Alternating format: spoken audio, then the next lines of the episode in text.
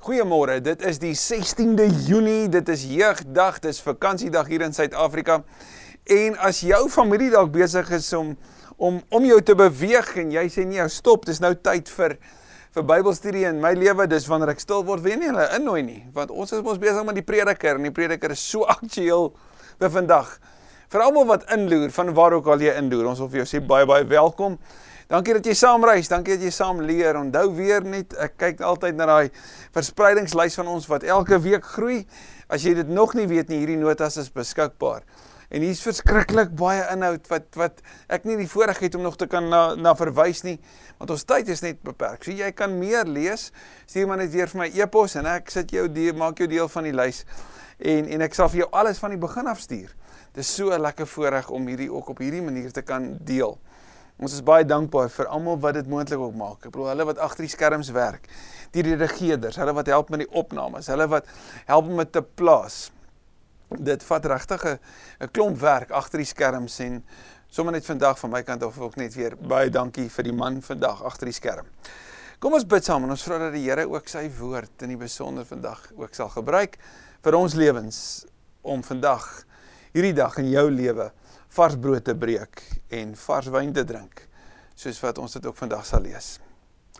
Vader, U is die Here. U leer ons vanuit U woord wat dit beteken om te leef, wat die sin van lewe is. Dankie dat ons dit veral in ons reis met die prediker dit die hele liewe tyd oor hierdie refrein wat ons ook vandag sal beleef. Asseblief Here, laat ons laat ons toe om vandag iets daarvan net te snap. Asseblief gee vir ons die geleentheid. Gees van God, begeester ons om regtig dit in te neem en dit te aanvaar. Wat 'n kosbare dag. Ons eer U in Jesus se naam. Amen. Ons het verlede week in hoofstuk 8, as jy saam met ons gereis het, sal jy die volgende onthou. Salomo wat die hele tyd besig is om wysheid teenoor dwaasheid te te stel, dat hy kom wys dat wysheid is vriendelik. Jy sien dit op iemand se gesig en dit verander 'n strak gesig. So as jy met wysheid kom en iemand anders is dwaasheid, dan gaan iets gebeur met die ander persoon. Want wysheid kan jy nie wegsteek nie. En as wysheid in jou hart leef, dan is dit sigbaar op jou gesig. En dan praat hy oor hierdie lewe en en die onregverdigheid daarvan, oor magsmisbruik en oor hoe dit soms net so tragies lyk. Ek bedoel, iemand wat droog maak gaan dood, iemand wat goed doen gaan dood en albei word vergeet. En as jy dit so daarna kyk, dan lyk dit so amper asof as jy dit teenoor mekaar stel asof die lewe verteel is en dan is die vraag natuurlik vir wat? Waarom? En terwyl hy so worstel daarmee en sy vra vra, kom hy by hierdie waarheid uit om daarom te leef. Om daarom die oomblik in te drink want Want ja, daai groot wysheid uiteindelik van hoofstuk 8 vers 17 wat ons net nie moet vergeet nie. Is eintlik 'n vers wat ek en jy uit ons kop uit moet leer. Is dat dit wat ek en jy kan weet is dat ons net nie sal weet nie.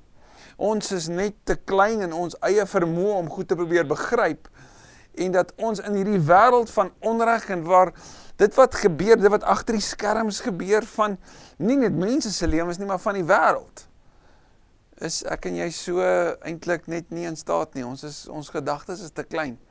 En daarin kan ek vrede vind. Om te sê ek het nie nodig om alles te te verstaan nie, maar wat ek het is vandag en wat ek vandag kan doen is om hierdie oomblik te geniet, dit in te drink en en in te neem. Hoofstuk 9 op hierdie wonderlike preek begin so. Dit alles het ek ter harte geneem en ek het bevind God regeer oor die wat reg doen en wysheid het en oor wat hulle doen. Niemand weet of daar vir hom liefde of haat wag nie. Salomo is op hierdie plek in sy lewe waar hy kyk na die toekoms en hy sê as ek daarna kyk dan ek weet nie wat wag nie. Ek weet nie wat môre kom nie, maar wat ek wel weet is as ek reg leef is God besig om oor my te regeer. As ek doen wat die Here wil, kan mense sien dat hy die Here is wat oor my regeer. En die wat reg doen en wysheid het oor hulle lewe, kan jy sien het God het God heerskappy. Is hy besig om hulle te lei? En natuurlik is dit sigbaar nie net in wat hulle dink nie, maar veral dan ook in hulle dade. Een en dieselfde lot tref almal. Wat is daai lot? Jy weet in hierdie tyd, dit is die dood, nê? Elkeen gaan dood. Hy het dit in vorige hoofstukke dit vergelyk met diere wat doodgaan, net soos mense en daarom is ons nie beter as hulle nie. En daarom is die vraag, wat is die sin dan as almal doodgaan? Hy sê een in die lot tref almal. En hier stel hulle hier teenoor mekaar. Hy sê die regverdige en die goddelose. Die goeie, die reine en die onreine. Die een wat offer en die een wat nie offer nie. So almal sterf. Soos dit met die goeie gaan, so gaan dit met die sondaar. Soos dit gaan met die een wat eet af lê, so gaan dit met hom wat weier om 'n eet af te lê en op die oog af mag ek en jy dalk sê, "So wat? Waaroor gaan dit dan?" En hy lei ons verder. Die ellende met alles wat in hierdie wêreld gebeur, is dat dieselfde lot almal tref. En op die oog af voel dit so onregverdig, nie waar nie? Die hart van die mens is vol boosheid en dwaasheid bly hom sy lewe lank by. En sy einde is die dood. Dit klink so soos Romeine 3:23. Almal het gesondig en is ver van God af. Die hart van die mens is vol boosheid. Maar wow wow wow, wow Salomo. Wat het jy nou weer vir ons gesê daar aan die einde van van hoofstuk 7? Onthou julle, hy het vir ons gesê een ding weet hy, God het die mens goed en opreg gemaak. Maar die mens het gekies om hom met slimmighede besig te hou. So God se oorspronklike skepingsplan, sy skepingsontwerp as dit ware, is goed en opreg. Maar wat het die mens daarmee gemaak? Mense het homself besig gehou met slimmighede. En wat is die gevolg daarvan? 'n Hart wat selfsugtig is, na myself gerig is. 'n Hart wat ek sou kom beskryf as narcissisties, want ek is die die middelpunt daarvan. It's all about me. I did it my way soos oom Frank sou sing. En en dit, dit is dwaas. Want as ek dink dit gaan oor my, dan gaan ek agterkom dat ek mis die punt van die lewe. En dis waarmee Salomo worstel, want as God die mens goed gemaak het en die mens hou hom besig met slimmighede en selfsugtighede en dit wat net oor homself gaan en en die persoon gaan dood en die ander persoon wat toegewy aan die Here leef gaan dood dan oeg wat maak mens met dit? Solank jy onder die lewendes is, sê Salomo, het jy hoop. 'n Hond wat lewe is beter as 'n leeu wat dood is. So wanneer hy dan kyk na die uiteinde en hy sê almal is dood, dan weet hy dat hulle wat dood is, het geen meer effek op die wat lewe nie. Hulle het nie meer opsies nie, want vir hom op daai oomblik praat hy van die doderyk as 'n finaliteit. As 'n plek waar jy sou kon sê dis verby. As jy sou vra wat nou, dan sal Salomo sê Wel vir hulle het hulle nie meer opsies nie, maar vir jou wat lewe nou, onthou mooi, jy het nog hoop. Jy kan jou lewe verander. Jy kan dwaasheid agterlaat en jy kan wysheid kies. Dis 'n interessante begrip hierdie nê, om 'n hond teenoor 'n leeu te stel. Dis soos om te sê dat wanneer 'n slaaf leef, is hy baie baie beter as die magtigste koning nog ooit wat dood is. Want 'n slaaf het 'n kans. Hy het opsies. Hy het nog besluite en ja, hy kan nog die murg uit die lewe van hierdie dag kan hy uitsuig. Hy kan dit proe. Hy kan dit inneem terwyl 'n koning wat dood is nie meer in staat is nie. Die wat lewe weet hulle sal doodgaan. Maar die dooies weet niks. Daar wag vir hulle niks meer nie. Hulle is vergete. Sien jy hoe Salomo hiermee worstel? Vir hom worstel hy met hierdie is daar iets hierna of is dit nie? En en en hy pak in die preek al hoe meer op pad na die einde toe hierdie realiteit uit van dat daar wel iets is, maar op hierdie oomblik klink dit op die oog af of hy praat van die finaliteit van die dood en hy sê, "Sjoe, daar wag niks." So op hierdie oomblik in sy eie worsteling is hy op daai plek. Dit is klaar met hulle liefde, hulle haat en hulle hartstog. Hulle sal nooit weer deel hê aan hier wat in hierdie wêreld gebeur nie. So die dooies sê hy is magteloos. Hulle kan geen effek meer hê op hierdie lewe nie. Maar vir jou wat lewe, kyk wat sê in vers 7 en sjoe. Ek en jy moet dalk net weer hierdie tipe verse net eers neersit of neerskryf dalk op ons op ons lesenaar of dalk teen die spieël vassit of eers waar ons dit kan onthou. Wanneer hy in vers 7 sê: "Eet dus jou brood met vreugde, drink jou wyn met 'n bly gemoed. God het lankal reeds goedgekeur wat jy doen." Om te geniet is wat God goedkeur. Geniet die lewe. Geniet hierdie oomblik. En is hierdie twee begrippe nie vir jou interessant nie? Brood en wyn. Ek bedoel brood en wyn is deel gewees van die van die antieke wêreld se se se wêreld nie net wêreldbeskouing nie, maar van manier van leef. Wanneer jy om die tafel sit, is daar brood en daar's wyn. Ja, ons weet jou Jerusalem Shiraz was so 'n derde verdun op ons Kaapse variant, die kultivar wat ons hier sal kry. Maar maar om brood te eet en wyn te drink is is 'n simbole van die lewe.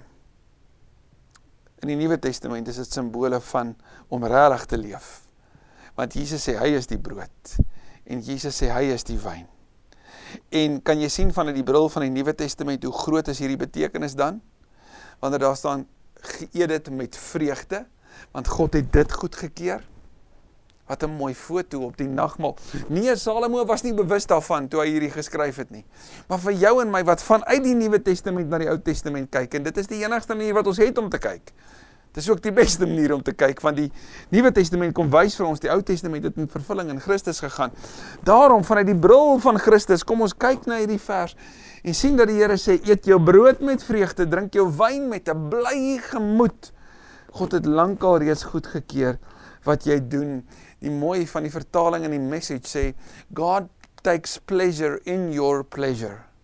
God takes pleasure in your pleasure. En dan vat hy dit verder, nie net van hierdie hierdie hierdie tafel nie, maar hy gaan sommer na klere drag toe en na die lewe toe. Wanneer hy sê dra altyd wit klere, versorg jou hare met olie. Wit klere en hare wat versorg is, dui op 'n feesgebeure. Dit sê dat daar daagliks 'n fees is om te vier. Dat ons elke dag kan aangryp as dit. En ja, daar's baie seer in hierdie wêreld. Daar's bitter baie seer in hierdie week, ook in ons gemeente.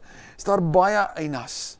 Begrafnis op begrafnis, seer, families wat huil, kinders wat huil, mense wat vra vra. Maar te midde van hierdie sê Salomo stop net. Drink jou wyn, eet jou brood trek wit aan hierdie feesklere want ons weet mos ons leef met nie met 'n tydelike perspektief nie. Ons leef met ons oë op die hemel. Ons leef omdat ons weet ons gaan vir altyd leef. Hierdie wêreld is nie die einde nie. Ons eet want ons weet ons gaan vir altyd deel aan die brood van die lewe, Jesus, die Here. Ons weet ons leef met 'n hoop wat nie beskaam nie. Daarom hierdie wit klere wat natuurlik ook 'n uh, eh, aanduiding van reinheid is. Ag julle, as jy hierdie kyk en jy vergelyk dit nou Openbaring toe, dan staan daar die gelowiges skryf wit klere. Hulle klere is gewas deur die bloed van die lam. Hulle skoon klere aan en hulle deel aan die fees. En Jesus sê hy gaan nie weer die maaltyd geniet totdat hy nie weer terugkom in heerlikheid nie. So verwag in die hemel wit klere, verwag brood en verwag wyn saam met die lam wat sy lewe gegee het. Die Messies vertaling sê don't skimp on your colors. Dra helder klere. Wit wat helder is. Geniet die lewe met die vrou wat jy liefhet en sjoe, as Salomo sou dink terug aan aan die woorde wat hy in Hooglied geskryf het oor sy vrou en hoe mooi sy vir hom is en dat sy net syne is en dat hy eksklusief net hare is. Hy sê geniet die lewe. Hoe mag ons net onthou om dit te geniet? Want soms as jy kyk na verhoudings dan lyk dit so swaar. Salomo sê nee, maak dit lig. Geniet die lewe. Die lewe wat tot niks kom nie. Maar wat God in hierdie wêreld gegee het. Sommige mense kry dit reg om die huwelik so te leef dat as jy na hulle kyk, dan beleef jy die witbrood het nooit opgehou nie. Die witbrood het regtig nooit opgehou nie. En dit hoef nie op te hou as jy hierdie vers vat en dit neem nie. Geniet die lewe met die vrou wat jy liefhet. In hierdie lewe wat so vinnig tot niks kom nie. Dit is wat jou toekom in hierdie lewe, wat jou toekom vir al jou geswoeg in hierdie wêreld. Doen met toewyding alles wat jou hand goed vind om te doen. Want in die doderyk waarin jy op pad is, is daar nie werk of insig of kennis of wysheid nie. Gee jou beste. Doen met toewyding. Wat dan as ons werk juis 'n bewys is van ons getuienis en ons verhouding met die Here? Wat as mense kan sien hoe lief is ek die Here in die manier hoe ek my taak dagtake doen? Dat ek my beste gee, dat ek dit oordentlik doen, dat ek niks afskeep nie. Omdat wat van my verwag word is om my beste te gee, om 'n toewyding te doen, alles wat jou hand goed vind om te doen. Vandag is die enigste dag wat ek het. Hoe maak ek die beste daarvan?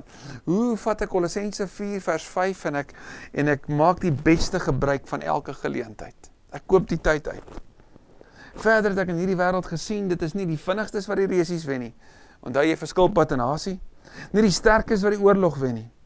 Nie die met wysheid wat kos het nie. Nie die verstandiges wat ryk word nie en nie die met kennis met wie dit goed gaan nie.